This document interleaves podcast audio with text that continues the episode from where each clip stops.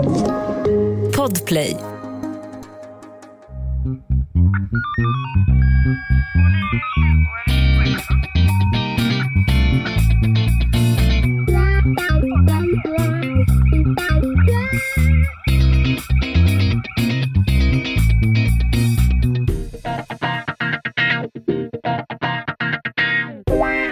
Välkomna till krimpoddarnas krimpodd!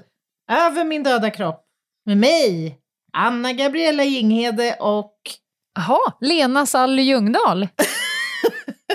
Var det på det sättet Ja men idag? vad fan, det är ju ett nytt år. Vi, kan ju, vi måste väl komma med något nytt någon gång. Och det är att säga våra mellannamn.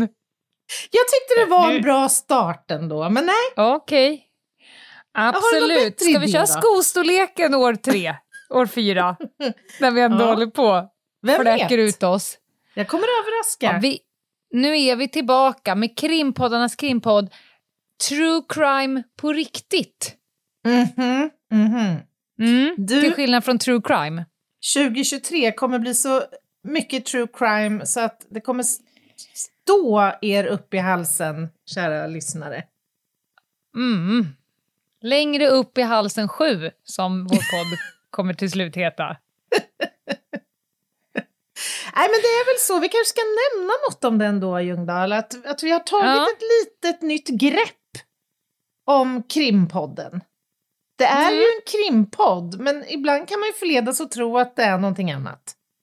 Ja, och det har vi fått feedback på. Att, att det är dumt att det är lite brokigt ibland. Eh, inte för de lyssnare som redan känner oss, för de tycker att det har varit fantastiskt. Men för de som nosar upp krimpoddar och så hamnar de lite snett och undrar var fan har jag hamnat någonstans? Just det. Ja, så, så det där, därav så renodlar vi så att eh, vi säger det på en gång. Om du lyssnar någon annanstans på podden än i Podplay-appen eller på podplay.se så kommer det se ut som att spaningarna är borta. Men det är de inte. De, de, de finns lika mycket som förr. Inte lika ofta som förr, för de kommer bara finnas en gång i månaden. Men de finns lika mycket som förr. Men du måste då lyssna på spaningarna via Podplay-appen eller podplay.se. Gör du det så kommer du se all, allt där, även torsdagsavsnitten. Just det. Och om du lyssnar torsdagar, då kommer det bli krim för hela slanten. Så kan man säga. Ja, Så är det. och vi har lite annat i år Mm. också. Ja, vi, ska ju ut på, vi ska ut på vägarna och så här. Som, som, som vanligt så hänger ni bara med och så kommer eh, informationen komma er till livs längs med Ja. vägen. Vi kommer rulla ut mattan när det är dags. Luta er tillbaka bara och häng med. Men Anna, jag har Ja. tittat på dagens ämne. Just det. Det kommer Mm. bli... Vi öppnar upp det här året ganska tungt, man Man kan säga. säga så här, vi öppnar upp det här året som vi öppnade upp. Vårt första avsnitt var ju om döden tror jag. Var det? Jag tror att vi, eller var det vår pilot som var döden? Ja, det, det, det är oklart. Jag tycker det känns som att det, det har varit mycket döden genom åren, så att säga. Det, Ja. Och nu ska vi faktiskt prata, eh, nu är det nog skämtat för nu ska vi prata om människor som inte kan vänta in döden utan som aktivt vill hjälpa döden på traven. Och då pratar vi inte om suicid, för det har vi pratat om tidigare och kommer komma till igen, utan dödshjälp. Och det är ju ett ganska kontroversiellt mm. eh, abstrakt ämne, men som eh, är ändå ett ämne som vi, vi kan för lite om det, för att eh, för vissa är det den utvägen som man vill ha, av olika anledningar. Mm. Och lite så här, hur ser det ut i Sverige egentligen? Och så. Jo, men visst är det kontroversiellt. Eh, och vi har ju hört talas om det medialt eh, några gånger sista åren. Jag tänker på Ja. Björn Nattiko till exempel, som valde Mm. att ta hjälp för att få dö, få somna ifrån sin eh, ALS. Alltså blir, när det sker och det uppdagas så blir det ju alltid, så att säga, det, det föranleder debatt och eh, mycket medialt intresse. Och det är Ja. klart att Så det är ju det är kontroversiellt i meningen att å ena sidan så är det ju varje människas rätt någonstans att få bestämma när man vill avsluta sitt liv. Det står ju varje människa fritt att faktiskt göra det, att bestämma att man vill avsluta sitt liv. Ja, så rent juridiskt så är det ju inte olagligt att ta sitt liv. Nej, det är det är inte brott. inte. Nej. Precis. Problemet uppstår ju när eh, jag ber någon annan om hjälp att göra detta. Eh, Mm. Det, det är inte straffbart ju att hjälpa någon att ta sitt liv. Alltså medhjälp Nej. till självmord finns inte reglerat i brottsbalken. Nej. Men om du nu... Du får inte hetsa.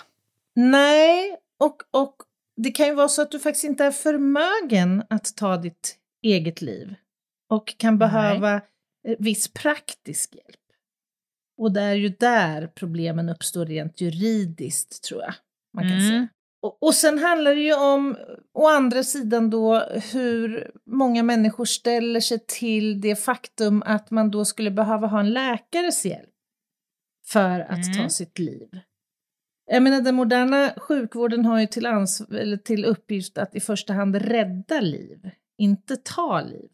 Så att liksom det här Nej. handlar mycket om etiska aspekter och moraliska tankegångar och en massa annat. Men, och, och kanske är det just det som behöver hållas isär här i det här avsnittet. Liksom etik å ena sidan, moral och lagstiftning. Alltså vad, vad känner du rent spontant kring det här? Alltså om, om du skulle hamna i en situation där du skulle utsättas för stort lidande i din sjukdom, du har ju varit i en sån situation, men om vi nu säger att Mm. du skulle få ett besked som innebär att du har kanske sex månader kvar att leva och du vet att de Mm. här sex månaderna kommer sannolikt innebära ett stort, stort lidande. Inte bara för dig som är sjuk utan för din omgivning. Mm. Skulle du vara för Jag- jag tror- möjligheten att få sätta ett datum när det här eh, kan få ta slut? Jag tror att eventuellt att jag skulle ha väldigt svår, stora problem. Jag, jag har ingen aning, det är mitt Nej. första svar. Men jag, om jag känner mig själv, så om jag hade haft en aning, om jag hade önskat det ena eller andra, så tror jag att där och då att jag skulle ha ganska svåra problem att någon annan bestämmer åt mig. Mm, Eh, mm. Alltså att man inte får välja det själv. Just det. eh, ja.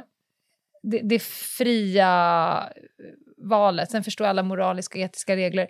Men en annan tanke som jag kom på nu när du sa det här att man behöver hjälp. Jag har ju nu i flera dagar eh, farit runt i Sverige och utbildar om PDV. Mm. Där går ju många av gärningspersonerna ut eller in i döden med den så kallade suicide by cop. Ah, vad intressant. Det är ju parallell, det är på något sätt en jävligt snabb dödshjälp. De, de har bestämt sig innan de kliver in i situationen att jag kommer att bete mig på sånt sätt så att jag tvingar polisen att avrätta mig Mm. på plats. Det. Ja, och, och det är väl det som är den grundläggande skillnaden. Den Ja. som då tvingas att skjuta till slut, den polismannen, Mm. gör ju det enligt gällande rätt. Så, att säga. Ja, så Mm. det, det är ju inte kontroversiellt på samma sätt, helt enkelt. nej. Mer än att, att människor tar då beslut att du måste döda mig. Alltså jag Mm. bestämmer det åt dig. Det är en Mm. ganska tuff grej att göra. Man vill ju gärna inte skjuta ihjäl folk. Men du tvingar mig till det. Ja, Men du, visste du att idag så, så tillåter faktiskt ett 20-tal länder i världen eh, och en, en rad olika delstater i, i the USNA någon Mm. form av legaliserad alltså dödshjälp. Mm. Och då, då pratar Ja, men jag, har om- lyssnat på, Ja. jag har lyssnat på ett par poddar med, med människor. Då, sven, det finns ett par eh, dokumentärer, inte poddar, Mm. dokumentärer Mm. om eh, folk som har åkt ner till till exempel Schweiz. Just det. Eh, det, är, det är starka berättelser. Då är det anhöriga som berättar, Verkligen. men det är starkt. Oerhört starkt. Det finns ju i huvudsak två modeller som man pratar om och som vi ska återkomma till. Oregon-modellen och Benelux-modellen. Det ska vi prata Mhm. lite mer om lite senare. Jag tänkte allra först att vi ska reda ut några begrepp. Jag har eh, någon gång i historien på förekommande anledning behövt liksom läsa in mig lite grann på de här begreppen. Och jag minns när jag skulle sätta mig in i, i begreppen att det var inte helt lätt att liksom reda ut vad som är vad här. Eh, så att jag har vänt mig till litteraturen. Nej, jag Det är inget nytt 2023. det är inte nytt. Jag har vänt Det mig hoppas till... vi att du aldrig slutar med. jag har vänt mig till Statens medicinetiska råd. Mm. Eh, för det är nämligen så att de har gjort, för några år sedan så gjorde de en rapport som heter Dödshjälp, en kunskapssammanställning. Så jag vände mig till den rapporten för att eh, vi ska lära oss lite mer om de här begreppen. Och då om man pratar om dödshjälp så menar man då en insats som ges efter uttryckligt önskemål från patienten, där avsikten är att insatsen ska orsaka patientens död. Och Mm. detta kan delas upp i två former, varav den ena benämns eutanasi. Och det handlar om dödshjälp som sker genom att någon annan än patienten utför den avgörande handling som leder till patientens död. Till exempel en läkare som utför en, den dödande handlingen, till exempel injicerar då ett, eh, Mm. en hög koncentration eller hög dos av sömnmedel som, som leder till döden till exempel. Men vi har också det assisterade döendet.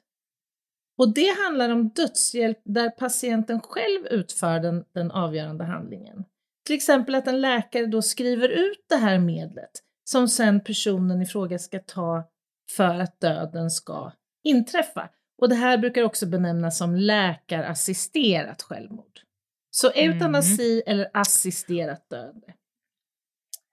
Och sen har vi också ett uttryck eh, som vi har talas om ibland som heter passiv dödshjälp.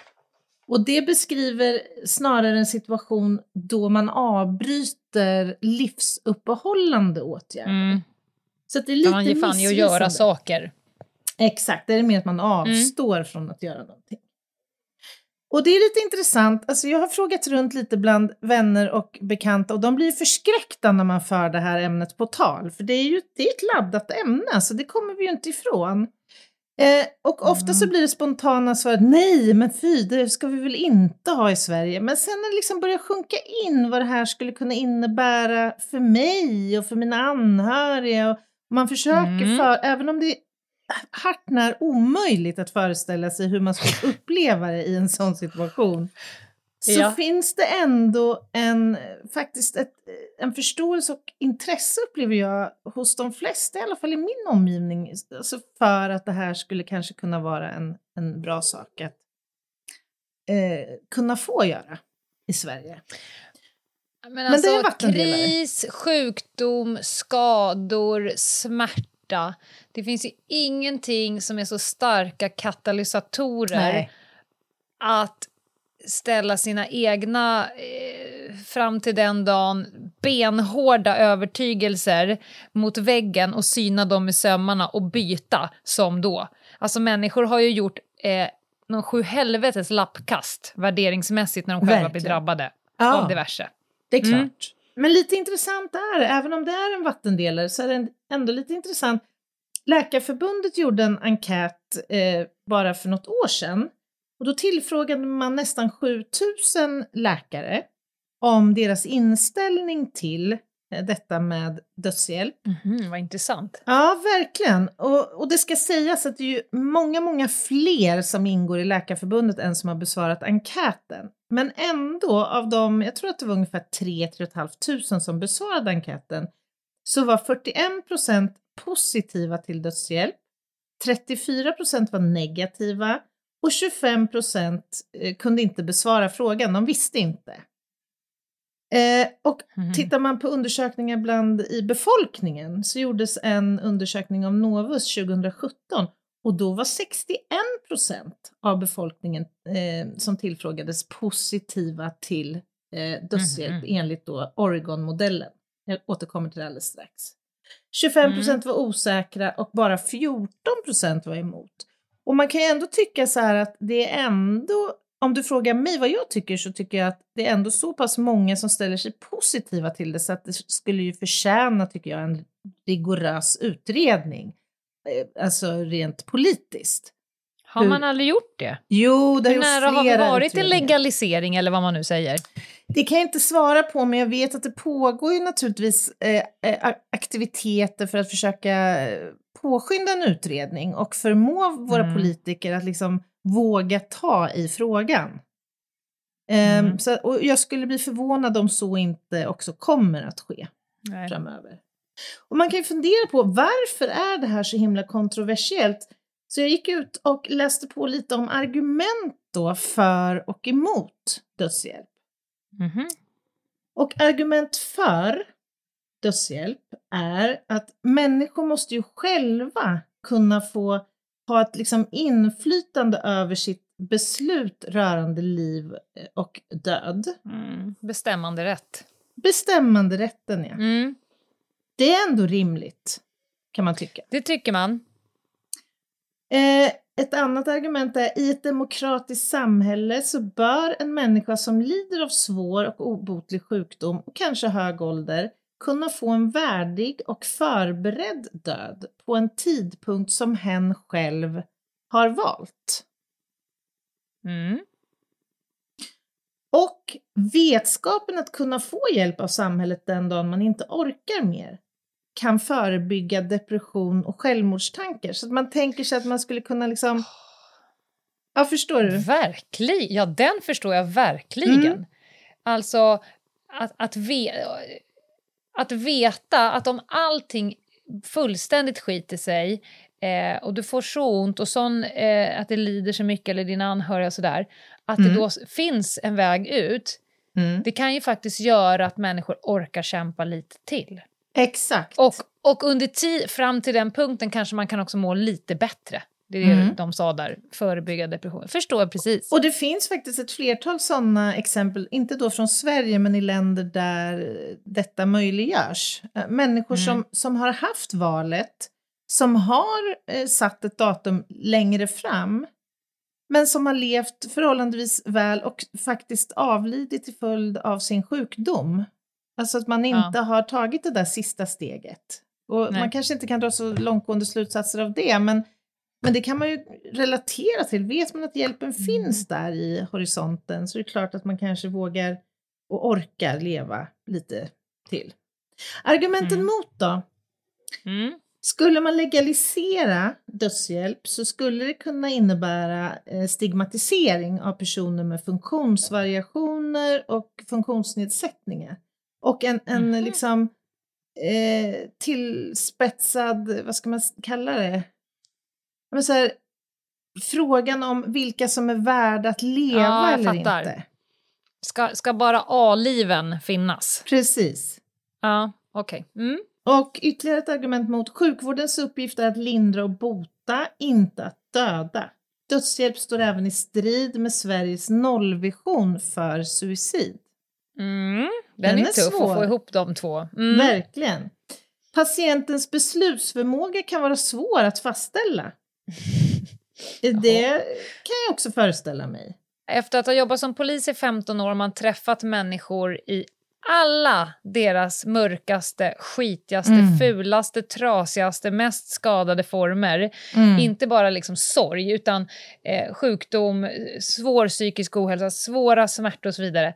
Det är många av dem man är erbarmligt glad över Mm. att de inte hade en beslutsrätt där och då. Verkligen. Där, så här, I det här skicket ska du inte ta några som helst beslut. Mm. Eh, så den där, den där förstår jag också. Ja men alltså det kan ju vara så att, att man har bestämt sig, inte främst utifrån att man är så somatisk, alltså kroppsligen sjuk, utan man kanske Nej. faktiskt lider av psykisk ohälsa, en, en svårbehandlad depression till exempel och annat. Mm. Det kan ju vara så att en felbedömning har gjorts i vården. Eh, som du Ja. vilar ditt beslut mot. Det kan ju också vara så att man faktiskt kan ångra sig Mm. och egentligen inte vill fullfölja. Det kan också vara så att man fattar beslutet av anledningen att man är en stor belastning för sin omgivning. Att man känner... Nej men fy Ja. så mörkt. Ja, verkligen. Verkligen. Ja. Plus, vi ska inte heller förringa att det faktiskt är så att någon då också skulle ta ansvar för att faktiskt utföra den här handlingen. Och det skulle kunna ha vissa känslomässiga och emotionella effekter för den läkare som faktiskt har till uppgift att avsluta någons liv. Anna, jag har en reflektion nu. Mm. Och den är inte så vanlig när det kommer till mig. Det brukar oftast finnas fördelar och nackdelar och sådär. Mm. Jag, jag kan liksom skriva under, det du har dragit nu, jag håller Mm. med om alla fördelar Mm. Samma här. och jag håller med om alla nackdelar. Ja. Men det tror jag skildrar väldigt väl också den Ja. vattendelare som det är. Att det är inte 50-50 men det är ju faktiskt väldigt många som är för. eh, Och det är något fler som är emot. Men jag menar, ja. Nej, men jag, för mig själv, att mitt svar blir att jag håller med om alla argument för och alla Mm. argument mot. Jag kan bara säga så här, det är, ett, det, är ett, det är ett symptom, eller det är ett tecken på hur jävla komplex frågan är för Ja, mig. verkligen. verkligen. Det här måste man ju verkligen begrunda och Mm. utreda. Eh, Mm. Och medan man gör det så sitter det x antal människor som faktiskt inte får välja. Medans. Ja. Eller de måste åka eh, bort från Sverige. Ja, ja, men exakt. Mm. Möjligheten finns ju även för svenska medborgare att åka till till exempel Schweiz Mm, och få hjälp. Men det är ju oerhört kostsamt och tar Mm. också en ganska lång tid att få eh, sin sak liksom utredd och få grönt ljus för att åka. Men det men det mm. måste jag ändå säga, om det här blir liksom kutym inom svensk vård, då tror jag och hoppas en sån här fråga ska ta ganska lång tid. Om vi nu Tycker ska försöka mot, om vi ska motverka de här nackdelarna Mm. eh, så, så få, måste man ju på något sätt utesluta all form av impulsiva beslut. För då är vi ju Verkligen. på, på suicid och det har vi en nollvision mot.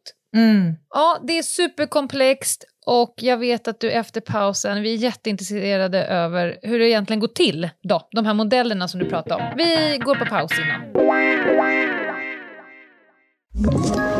Ett poddtips från Podplay.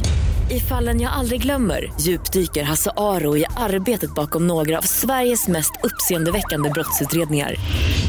Går vi in med hemlig telefonavlyssning och, och då upplever vi att vi får en total förändring av hans beteende. Vad är det som händer nu? Vem är det som läcker? Och så säger han att jag är kriminell, jag har varit kriminell i hela mitt liv men att mörda ett barn, där går min gräns. Nya säsongen av Fallen jag aldrig glömmer på Podplay. Välkomna tillbaka, det är krimpoddarnas krimpodd över min döda kropp och idag pratar vi om dem som möjligen skulle önska eh, död men inte får, i alla fall inte i Sverige. Men det finns lite modeller utomlands och det ska Anna nu berätta om. Hur gör man? Mm. Nej, men jag nämnde ju Oregon-modellen och Benelux-modellen. Eh, och Oregon-modellen förekommer idag i ett antal stater i USA.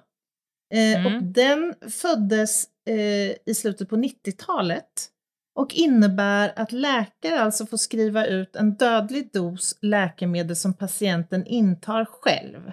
Alltså så kallat assisterat döende. Eh, Men där ställs ju då vissa krav som då förutsätter en ganska rigorös utredning. Och kravet är att patienten bedöms vara terminalt sjuk, alltså att man, man ska ha högst sex månader kvar att leva. Så det är Okej. liksom en grundförutsättning för att kunna få den här hjälpen då enligt Oregon-modellen. Och det är den som har föreslagits eh, ska kunna eh, ja, införas även i Sverige, vet jag. Okej. Sen har du då Benelux-modellen som har ännu lite fler år på nacken och som, som eh, föddes i Nederländerna i, under 70-talet. Får jag bara och, fråga en, en Ja. till på Oregon, du som är medicinskt kunnig. Ja. Patienten själv ska ta det. Kommer det här sker det fortfarande på sjukhuset under övervakning av någon? Eller får du med dig pillen och går hem? Vilken jättebra fråga. Jag kan inte svara säkert på den, men jag föreställer mig att det här ska ske. Det måste ju ske kontrollerat av en Ja. läkare som kan övervaka liksom att det här verkligen det inte går fel. sker. Så det inte går fel. Jag inbillar mig att det här skulle kunna ske både hemma och på, i, på sjukvårdsinrättning. Jag Okej. skulle kunna Mm. tänka mig det. Men jag kan inte ta gift på det, jag på. Nej, jag tänkte säga det. Säg nu för fan inte ta gift, Anna. Och det gjorde du. Ja. Det där får du klippa, Oliver. nej. Jag bara, nej, nej, nej, nej, nej, Anna, Anna. Ja, där kom den. Där kom den. Aj, jag Ja, nu kör vi. Jag tar foten ur klaveret och eh, ger mig på Benelux-modellen då istället. Som förekommer bland annat då i Nederländerna, Belgien och Luxemburg. Och det grundläggande, eh, grundläggande kravet där för att få eh, dödshjälp det är att man har ett outhärdligt lidande som inte kan lindras på annat sätt. Men det finns Mm. alltså inget krav på att du ska lida av en, alltså att vara terminalt döende i en sjukdom. Nähä, Det är själva smärtan alltså. Ja, så att, Lidande, ja. lidandet. Så här inkluderas Mm. ju då faktiskt även människor som lider av svår psykisk sjukdom. Mm. Och i Beneluxländerna så är då eh, också eutanasi tillåten. Där alltså då patientens läkare själv utför den avgörande handlingen som leder till döden. Eh, ja, och sen finns det några andra länder som har lite mm, varianter av de här två eh, modellerna. Men det är Oregon-modellen och Benelux-modellen som är de, de vanligaste. Och jag, ska, jag nämnde tror jag inledningsvis att, att det har ju, alltså det bedrivs viss eh, lobbying eller i alla fall påverkansförsök på våra politiker att liksom ta tag i den här frågan och utreda den ordentligt. Och det är framförallt eh, Riksföreningen Rätten till en värdig död som går i bräschen för detta. Och jag blev lite nyfiken så jag gick in och läste på. De har en jättefin hemsida där man kan få ganska mycket och bra information. Eh, den, alltså de har hållit igång sedan 70-talet. De hade sitt första årsmöte 1974, vilket förvånade mig. Alltså att, att det har funnits en, en sån här intresseorganisation så länge och, och att man trots allt har hört så lite om den. Men utgångspunkten för den här föreningen det är att varje människa ska själv få bestämma över sitt liv så länge inte detta går ut över någon annan människa. tycker jag är en ganska fin Ja, utgångspunkt. Det är Och ja. rimlig. Och eh, RTVD som, som föreningen förkortas, de har då varit väldigt aktiva eller är aktiva i samhällsdebatten.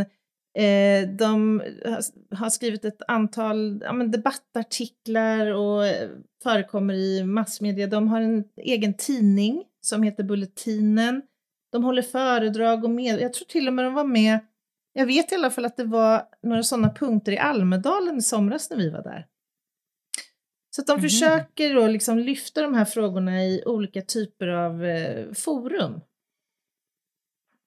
Och RTVD är också medlem eh, i liksom globala nätverk kring de här frågorna. Bland annat i World Federation of Right to Die Societies. Mm. Ja, Tankar? alltså... Att liv och död, det är någonstans där vi alla är.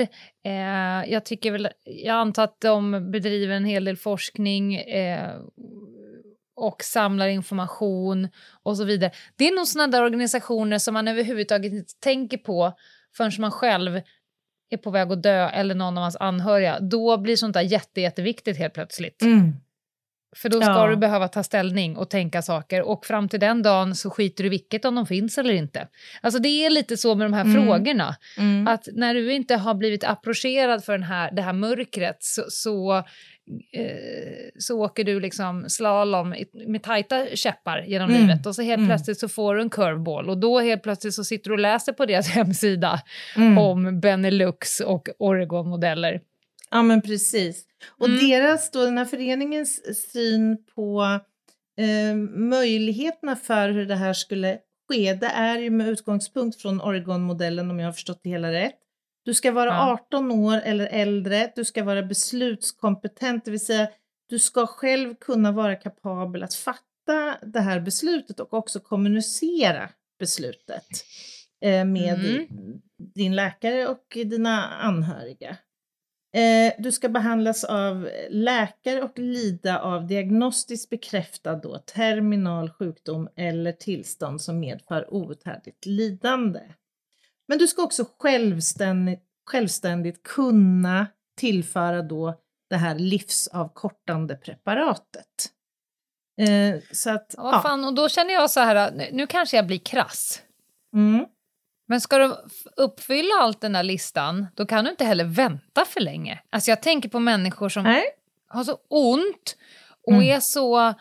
Men tänk ALS, kan ju knappt röra dig. Eh, så du kan bli diskad på slutet för att du inte är tillräckligt kapabel. Så du Mm. måste nästan göra det när du är tillräckligt kapabel för att kunna göra det. Det är väldigt komplext. Det var Ja, bara det jag det ju. försökte. Verkligen. Ja. Jag kan, jag kan, vi kan ju inte föreställa oss liksom när man fattar det där alltså Hur ska man Nej. veta när i processen ska jag liksom då ta det här beslutet? Men det är så många tankar som väcks när vi pratar Mm. om det här.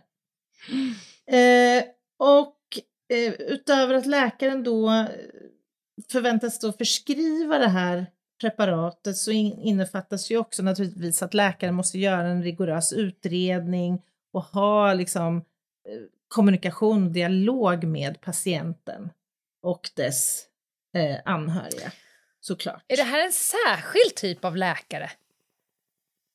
Va, va, va, var Alltså, var inom in- sjukvården hamnar terminalläkarna? Är det på palliativvården? Är det de som ska sitta Ja, och det är nog delvis... sätta röd lapp på folk? Ja, du menar de som, som kommer sen om det skulle genomföras? Nej. Eller? De som ska göra de här utredningarna, vem är, är det liksom det, inom den ramen för den vanliga sjukvården? Är det, är det överläkaren på Radiumhemmet? Är det överläkaren på eh, Thorax som också ska säga, ah, nej nu är det nog kört för din del, nu åker jag på en utredning. Eller i de här andra länderna, man undrar om det finns liksom särskilda läkare som gör de här utredningarna huruvida du ska ha rätten att ta livet av dig. Eller att vi ska Alltså, hjälpa dig med det. Jag Det är spännande. Ja, verkligen. Och jag tänker att det ställer ju höga krav på den läkaren. Den läkaren måste ju Verkligen. ha god kunskap om liksom, psykiatri, tänker jag. Alltså psykets ehm, eh, Ja. sjukdomar eh, och Mm. den somatiska delen. För att kunna... Och jävligt god kontroll över den patienten. Ja, Över tid. ja, ja. För att kunna kanske- bedöma om du har, är beslutskompetent. Ja. När jag tittar på vad det är för läkare som ingår i föreningen eller som har varit... Eh, Ja. ja, så är det ju, det är ju någon läkare som är docent i typ etik. Någon som Ja, okej. är gammal överläkare i psykiatri. Alltså det här är ju Ja. väldigt meriterade doktorer. Väldigt liksom, omtyckta Mm. och eh, kunniga och kompetenta. Eh, Så Mm. att det är ju... Ja. Läkaren ska ju då förväntas ju också då såklart säkerställa att det här eh, preparatet frivilligt intas och eller då självständigt tillförs patienten. Så att eh, Mm. det liksom går rätt till om man säger så. Och sen ska läkaren underteckna en dödsattest eh, och ange vilken underliggande sjukdom eller tillstånd som har funnits. Ja, men de redogör väldigt snyggt tycker jag på sin hemsida för hur det här skulle kunna gå till, hur, vilken gängse synen är då bland förespråkarna för eh, ett sånt här upplägg. Och också tydliga med att det här inte ska föranleda eh, påföljder för att det inte är straffbara eh, handlingar helt enkelt. Men man Nej. nämner också några undantag från detta. Om man i syfte att orsaka patientens död avsiktligt ändrar eller förfalskar en begäran om förskrivning av livsavkortande preparat eller döljer eller förstör en patients återtagande av en sån begäran så ska det eh, medföra straffansvar enligt brottsbalken. Ja, det är det är ändå rimligt. Eller om man medvetet tvingar eller otillbörligt påverkar en patient att begära eller tillföra sig livsavkortande preparat. Eller att man utan patientens vetskap eller samtycke själv tillför patienten sådant preparat ska vara förenat med straffansvar enligt brottsbalken. Det är ju fullt rimliga ställningstaganden. Det får man lov att tycka. Mm. Ja. Men ska vi prata lite grann om, Lena, vad som faktiskt gäller eh, enligt svensk rätt idag? Mm. Alltså, vi pratar ju brottsbalken här, men faktum är ju att det är ju ganska många regelverk som berörs av de här frågorna. Ja. faktiskt. Ja, ja alltså brotts, brottsbalken har vi ju massa gärningar i, saker som vi ska låta bli att göra mot varandra. Mm. Varken man ber om det eller inte. Nej, men Eh, exakt. Men, men eh, du har ju hittills pratat jättemycket om, eh, om läkare, om vården. Ja. Och de har ju också allsköns grejer eh, att hålla sig till. Ja, men så är det. Det finns ju ett flertal lagar som reglerar hur vård ska utföras.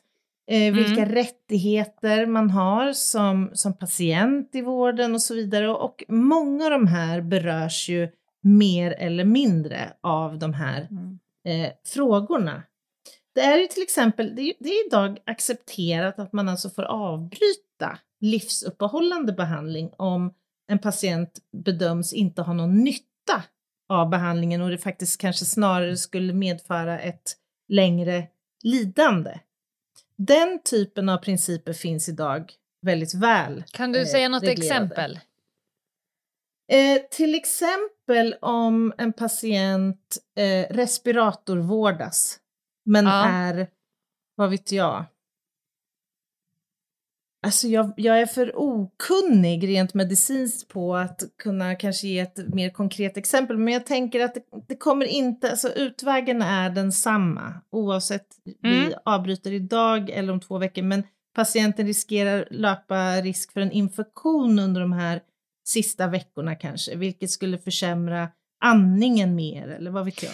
Men, ja, men redan idag så avslutar man ju vård när man konstaterar att det enda som, som håller den här människan vid liv är att vi pumpar in och ut i, i luftvägarna. Eh, så när, när vi slutar med det, oavsett om det är idag, morgon eller om tre veckor, så kommer slutet vara detsamma. Mm. Och då så är det bara att ta ett beslut för anhöriga, när ska vi göra det? Mm. Och, och ett Mm. annat exempel kan ju vara att avsäga sig ytterligare strålning till exempel eller kemoterapi för en cancer i syfte att bromsa en cancer om cancern slutligen likväl kommer att avsluta ditt liv.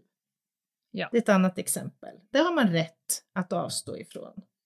Det är också så som vi var inne på att medhjälp till självmord är inte straffbart i Sverige.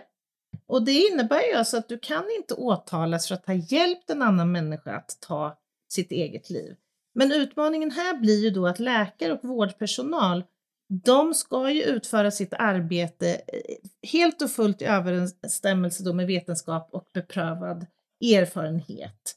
Och idag så anses det inte som att assisterat döende lever upp till de här kraven. Då, Anna, är det dags för en paus igen och efter den vet jag att du ska dra några av de rättsfall som vi faktiskt har haft i Sverige på temat dödshjälp. Ett poddtips från Podplay. I fallen jag aldrig glömmer djupdyker Hasse Aro i arbetet bakom några av Sveriges mest uppseendeväckande brottsutredningar. Går vi in med hemlig telefonavlyssning och, och då upplever vi att vi får en total förändring av hans beteende. Vad är det som händer nu? Vem är det som läcker? Och så säger han att jag är kriminell, jag har varit kriminell i hela mitt liv men att mörda ett barn, där går min gräns. Nya säsongen av Fallen jag aldrig glömmer på Podplay. Då är ni välkomna tillbaka till Över min döda kropp. Igen!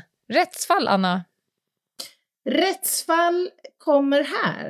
Eh, nej men det finns inte så himla många rättsfall från eh, Sverige. Jag tänkte nämna några få. Vi har ett från 1996. Då var det en eh, mamma som då på begäran har lagt tabletter i sin svårt sjuka dotters mun. Dottern valde själv att svälja ner tabletterna med vatten och vin som modern då hade ställt fram bredvid dottern. Ålder på den här dottern. Jag vet faktiskt inte. Jag vet inte. Jag vill inte, jag ville inte veta heller. Nej, okej. Nej, Ja. jag, jag respekterar detta. Ja. Mm. Eh, hovrätten ansåg att moderns handlande inte ensamt kunnat orsaka dotterns död utan endast möjliggjorde hennes egna då självmord. Och då ansåg man modern ha handlat osjälvständigt som medhjälpare till självmord. Okej. Så att hon dömdes inte för detta. Nej. Eh, och ett lite nyare fall som jag faktiskt minns, det är nog inte mer än något eller några år sedan. Då var det fråga om en dom i Nej, förlåt Anna, jag måste bromsa in där. Ja. Fy fan vilken situation. Ja. Alltså säg att du har en dotter, jag var, jag var tvungen att låta det bara sjunka in. Du Mm. har en dotter som är svårt sjuk, vi vet Mm. inte av vad och vi vet inte av ont. Någonstans har de här två, då enligt det här rättsfallet, kommer fram till att nu Mm. ska ditt li- liv avslutas och jag kommer hjälpa, jag, din mamma, kommer Ja. hjälpa dig att ta livet av dig med tabletter och vin. Fy fan vad mörkt. Nu Det kan du få gå vidare. Jag var Nej, tvungen det att få det är- ur min kropp. Det är så mörkt. Det är så mörkt. Ogreppbart. Men jag förstår också när jag har läst lite om det här och läst de här fallen så förstår jag att de som står bredvid, de är så övertygade om, eller de har varit Ja. så övertygade om att det här lidandet har varit så svårt och så jobbigt. Ja. Så man känner ändå sympati för dem. Ja, självklart. Alltså, Mm. det kanske, jag vet ingenting om det där. Det kanske var det finaste den där mamman någonsin hade kunnat göra. Att hjälpa Mm. dottern ur den där smärtan, eller vad det nu var. Mm. Men ändå, hur tungt! Men det jag också Det- tänker ja. spontant, det är, finns det förbättringspotential här för den svenska palliativvården tror du? Är det så att Mm. liksom man skulle kunna mötas här någonstans? Om man, Ja. om man skulle kunna få en tryggare och eh, mer fridfull eh, död tack vare palliativvård? Om du förstår vad jag menar. Jag förstår. Ja, alltså det känns som att när, i- när inte samhället godkänner, nu ska absolut inte ni koppla ihop det jag säger nu, men i de länderna när det inte är eh, OK med abort så kommer abort fortfarande ske, men på ett Mm. svårare, sämre, farligare eh, sätt som Mm. kanske också skapar mer trauma. Mm. Eh, så, så, så, och när det finns så gör man det inom ramen för eh, vetenskap, man Mm. får skydd, stöd, avlastning, det finns säkert traumateam, psykosociala enheter, alltså Mm. hela den apparaten. Mm. Eh, den kanske är svårare om man gör i löndom i sitt hem. Mm.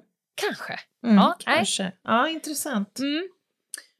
Eh, jo, det här eh, fallet från nedre Norrland, det, det minns jag, det läste jag en del om när det rapporterades om i media och då handlar det om en man eh, som hjälpte sin hustru genom att injicera Ja, henne det. med morfin och eh, Mm. ja, oxycodon och vad det var. Och då var det så att hustrun hade beslutat att ta sitt liv men hon var för sjuk. Så att hon klarade inte av att själv ta det här preparatet eller preparaten. Mm. Hon kunde inte använda sina händer och armar om jag minns rätt. Så maken hjälpte henne då genom att injicera henne med dödliga doser av de här eh, preparaten. Och jag minns det här för att det här var ju väl dokumen- dokumenterat också. Eh, alltså den, jag tror, om jag inte missminner mig så till och med videofilmades ju hennes eh, så att säga muntliga utsaga. Att hon verkligen ville att det här skulle ske och att hon har lämnat sitt samtycke till att det här ska ske, att det här är hennes innersta liksom, önskan. Eh, men det här samtycket från hustrun ansågs inte frånta honom det straffrättsliga ansvaret. Så att han dömdes faktiskt eh, som gär, för gärningsmannaskap och inte Mm. då som medhjälp till eh, självmord. Så han dömdes till ett års fängelse för dråp. Alltså jag tänker att i den situationen som den där familjen har befunnit sig i och han har sett henne i den här smärtan, jag gissar hej vilt, jag är inte så involverad i, i det där ärendet, eh, så tänker jag att man ponerar att det skulle kunna bli så att jag blir dömd för det här och jag ger fulla fan i Mm. om jag får sitta i fängelse ett år eller inte. Mm. Min fru ska inte lida en dag till Nej. och nu vill hon ha hjälp. Jag, det, man kan tänka sig att det kanske sker en sån...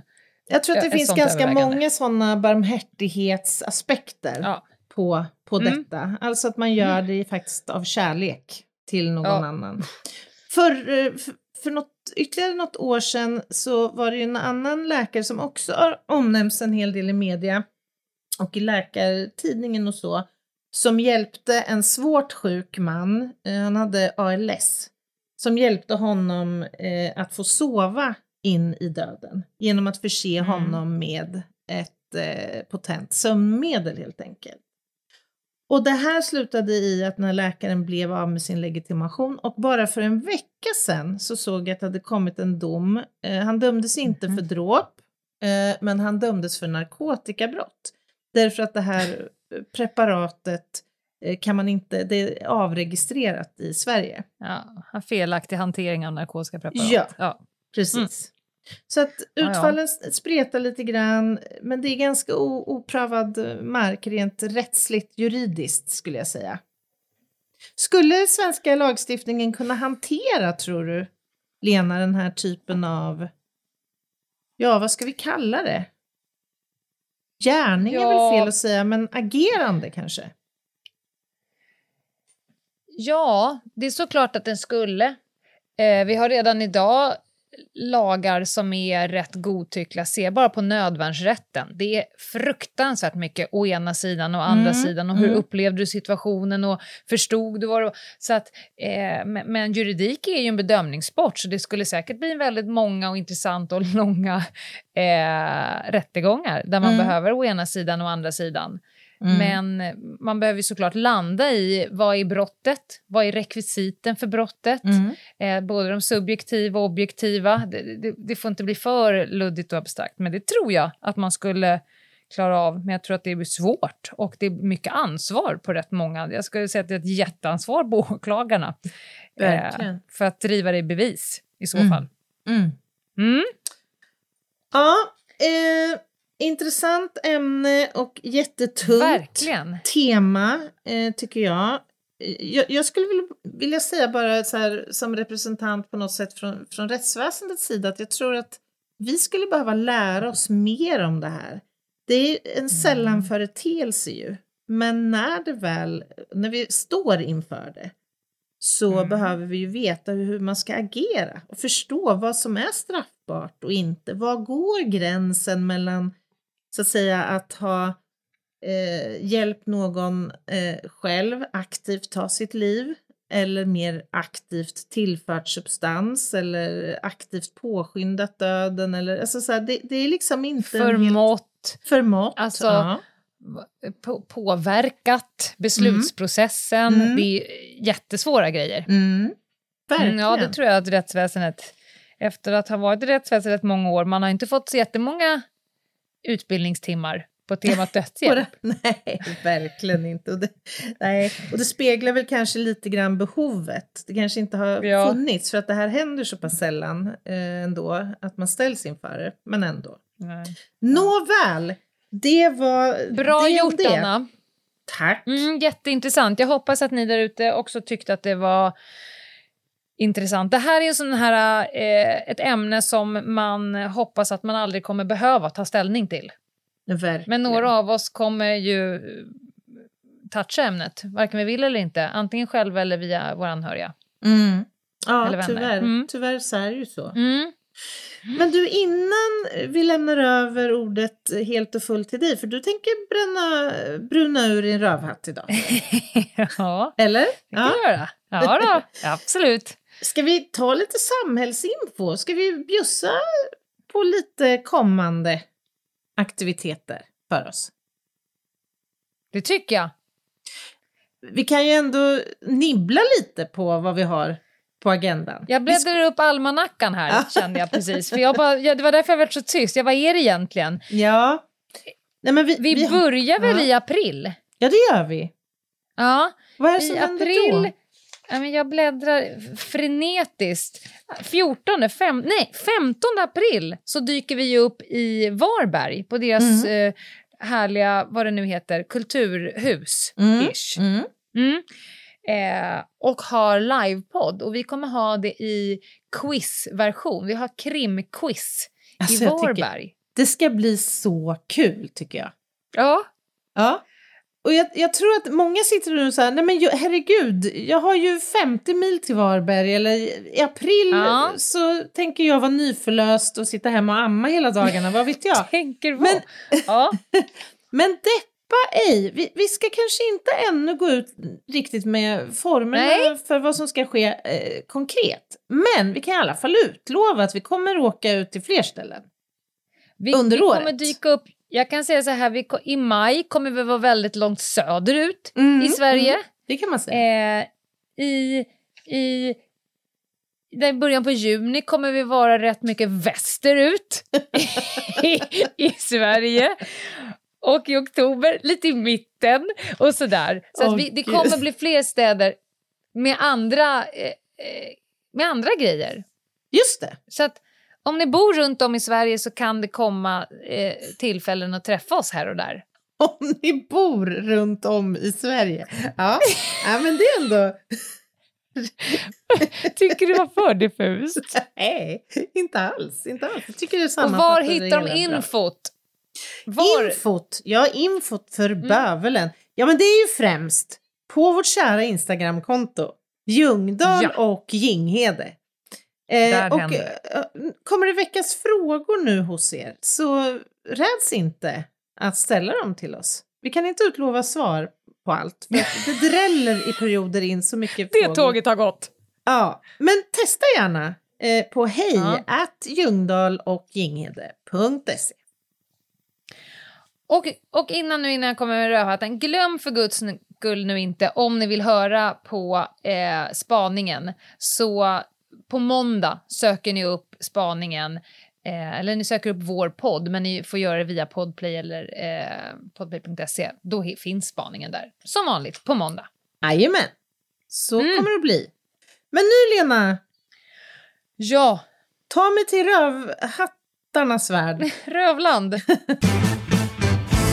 Lenas rövhatt. Jag befann mig över jul och nyår eh, jättelångt bort ifrån Sverige.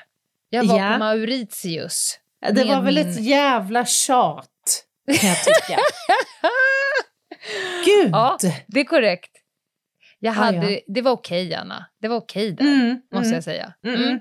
Du skickade med bilder mm, från någon form av paradis som jag Ja. fick ta del av under eh, den mest högintensiva form av julberedskap i ett landskap helt utan färger och i minustemperaturer.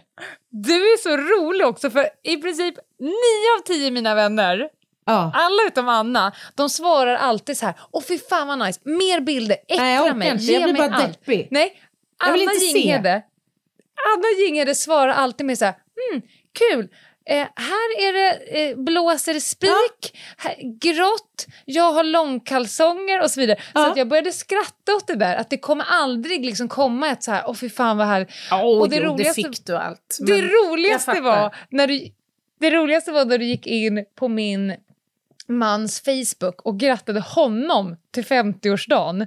Och det, enda det, det roligaste i det med det var så här, grattis på 50-årsdagen, hoppas du har det bra. Här är det minus 18 grader. Nej, Så jo! Ja. Det är Ja. fantastiskt Ja, jag tycker det är inte mer än rätt. Men i Den svenska fall, det avundsjukan kan vi paketera det Ja, som. den är fantastisk. Ja. Du äger den. Men det är inte du som är rövhatten, Anna. Nej. Det har du redan blivit en gång. Ja, det har jag blivit. Nej. Vi befinner oss på restaurang. Restaurange. Ja. Ja. Eh, och det är så att min man fyller 50 när vi Mm. är där. Just det. Mm. Lilla svinet. Vi sitter, vi är tio personer. Vi Mm. har satt honom på kortändan. Ja. Eh, han har fått välja restaurang. Han har blivit firad till frukost, till lunch, till middag. Vi har varit ute och snorklat. Det har bara varit så här lyx, lyx, lyx, lyx. Han har också fått välja middag. Mm. Så han sitter där på kortändan. Och, eh, och han har valt den restaurangen för att vi hade varit där en gång tidigare och alla var som mest nöjda med den. Den var väldigt härlig, en Mm. italienare. I alla fall, min man är inte en person som klagar så ofta, framförallt Nej, inte nej. publikt. Nej. Nej, vi, vi har varit på restaurang förr som har inte gjort oss särskilt imponerade. Han säger inte ett ljud. Han skulle aldrig gnälla eh, liksom på servitören eller kocken eller något sånt där. Nej, nej. Det är snyggt. Om han betalar med en femhunka men får tillbaka växel som om han hade betalat med en hundralapp, då kommer han inte ens säga till. Det, nu har jag målat upp profilbilden. Ja. Han sitter här nu på gaven Mhm. och det tar jävligt lång tid innan efterrätten kommer in. Mhm. Det gör det. Det är Mm. sådär så att man börjar, du vet, fan kan vi inte Ja. åtminstone få in kaffet? Sådär. Och då ser jag på honom att det börjar klia lite i honom. Mhm. Eh, så han böjer sig över, för det står någon och håller på med något annat bord, så säger han så här, ursäkta, kan vi åtminstone få men- dessertmenyerna? Lite vass ton. Men- alltså sådär, ja. Ja. förlåt. Sa han det på svenska? Nej, det sa han inte. Det, Men jag bara förstår ju att det tar tid om de inte har förstått menar jag bara. Ja, ska- du tänker så. Förlåt. Nej, nej. Ja. du får Ja. försöka översätta in i ditt huvud. Ja, ja, ja, ja, ja. Han säger, ursäkta, kan vi inte vi få menyerna nu? Det, det har tagit lite, lite lång tid. Eh, so far so good. En, en, en liten Uns udd i, i rösten. fanns Ja, lite udd ja. ja. Sen ser ju jag vad som pågår bakom hans rygg. Aha. För att vi, vi bor ju på ett, ett lyxställe. Och det är såklart att de på något sätt har koll på att det finns någon som fyller år. Vi har inte sagt Ja, något. ja. Så bakom hans rygg så börjar nu hända saker. Jag ser Aha, champagnen kommer in på ett liten rullvagn en bit bort. Det bärs in tio champagneglas. Det kommer in en ganska liksom, fin tårta och sådär. Oj, ja. Detta ser ju jag ju, så att jag tänker så här, gud han kommer bli så överraskad, vad kul! Ja, och jag håller minen. Då kommer en liten man, en super, supervänlig servitör. Aha. Han står alltså med en tårta i sin famn och håller samtidigt i champagneflaskan med ljus i tårtan Ja. och böjer sig. Ma- Mattias, min man, han ser inte det här. Nej. Han är helt- Han, Han är så arg nu. Ja. Ja. Så han, Han har fullständigt ur nu. Ja. Han brunar ur. På, så medans, medans servitören står med tårtan under hans haka så säger han det har tagit 40 jävla minuter att få fram några menyer. Och jag tittar på den här situationen och bara, men är han blind? Han har en tårta under hakspetsen som de nu har bakat till honom och så vidare. Och, och, och den här gubben säger så här, eh, yes, I'm so sorry sir. Nej. Typ, vad fan ska jag göra? Så jag börjar garva och göra den här, du vet, hallå, Ja, bryt, ja, bryt. katt, katt. Och när han får syn på tårtan och ser Ah. mig och liksom läser situationen, då, då sätter han på sig själv en rövhatt. Det ser Ah. ut som att han aktivt letar efter den här knappen som gör att golvet, Golvet kan... ja, öppnar sig, ja. Ja, Precis. Ja, nu En försvinner snabb jag. Jag exit tar, behöver han. ja, jag tar giftsprutan nu, rakt Nej, upp och ner bara. Gud alltså. Alltså jag skrattade. Och det hade inte varit kuligt, kuligt alls om det hade varit en person som var sån. Men just att han aldrig klagar gör det den enda gången när det står en jävel och försöker mula med en stor chokladtårta och champagneglas. Han mådde då hela kvällen, kunde släppa det här. Hela Nej, kvällen. det- Och jag åh. tvålade in det. Jag fortsätter. Varje dag vaknade jag upp bara, tänk att du skällde ut den här personen när han hade varit så snäll. Tycker jag är jätteroligt. Nej, men jag så hade det är mått... min man som blir veckans rövhatt. Oh, alltså jag känner så med din man. Jag hade mått så dåligt, gått ut och hängt Ja. min gran tror jag. efter- Eller det fanns det. En palm. Palm. Ja, fy vad jobbig känsla. Ja, men alltså, och, och, och det, är ett par, det är ett par situationer, gånger i ens eget liv där man har läst en situation nå så jävla ja, fel. fel ja. ja. Och när man inser det och man känner man börjar, du vet så här, hur ska jag krabbgånga mig ur det här? Det är jätteroligt. Åh. Fast jag har inte vett att må så dåligt, men, men eh, ja, nej, det blev han. Gud. Du, du hade dött. Aj, jag känner att jag får nästan ett sympatikus-påslag nu, as we Ja. speak. Alltså, för det här det hade kunnat hända mig också, det är det som är det värsta. Jag Ja. kan ju också ha får- brist på tålamod i de där lägena. Ja. Men, men det, det, det roligaste var copingstrategi, att han försökte dra med oss alla under bussen det första som hände. Han bara, men ni uppviglade mig, ni tycker också att det tog lång tid. Ja, fast det var bara du som skällde ut han med tårtan. Det är det som är skillnaden. Åh nej. Ja, vad Ja. jätteroligt. Jätteroligt. Gud. Ja. Ja, är roligt. Men eh, hälsa och gratta då. Ändå. Vadå, från, från Örebro där det är minus 12 grader Ja, och du har långkalsonger på Nu dig? har i alla fall han också typ minus 12 grader så då Ja, kan ja. han få Nu sin har alla det dåligt. grattis. Ja, det är mycket bättre. Det gör mig glad. Nej Mm. då. Ni såg ut att ha haft det ljuvligt och det unnar jag er. Och det är som bortblåst nu efter några dagar hemma. Man vet inte ens om att man har varit där längre. Gud, det är nästan ännu sorgligare. Men hörni, snart kommer vi att höras igen. Inom en mycket snar framtid. Det kommer jag på måndag och nästa torsdag. Ska vi säga redan nu vad vi ska göra? För vi vet ju det. Ja, kan vi väl göra. Eller vet vi det? Vi ska vi prata om sprängningar och bombningar? Spräng skjutningar och Nej. sprängningar. Exakt, Mm. det var ju det jag sa. Ja, Typ. vi ska då väl smäller vi av det avsnittet så att säga. Ja, Nej, men vi ska sammanfatta det väldigt dystra året eh, 2022 när 61 personer i Sverige har skjutits till döds inom ramen Mm. för gängen. Mm, Det ska vi prata om nästa torsdag. Men däremellan är det spaning. där. Och hopp och lek. Mm. Så ta hand om er där Mm. ute. Ha det gött! Bye. Bye!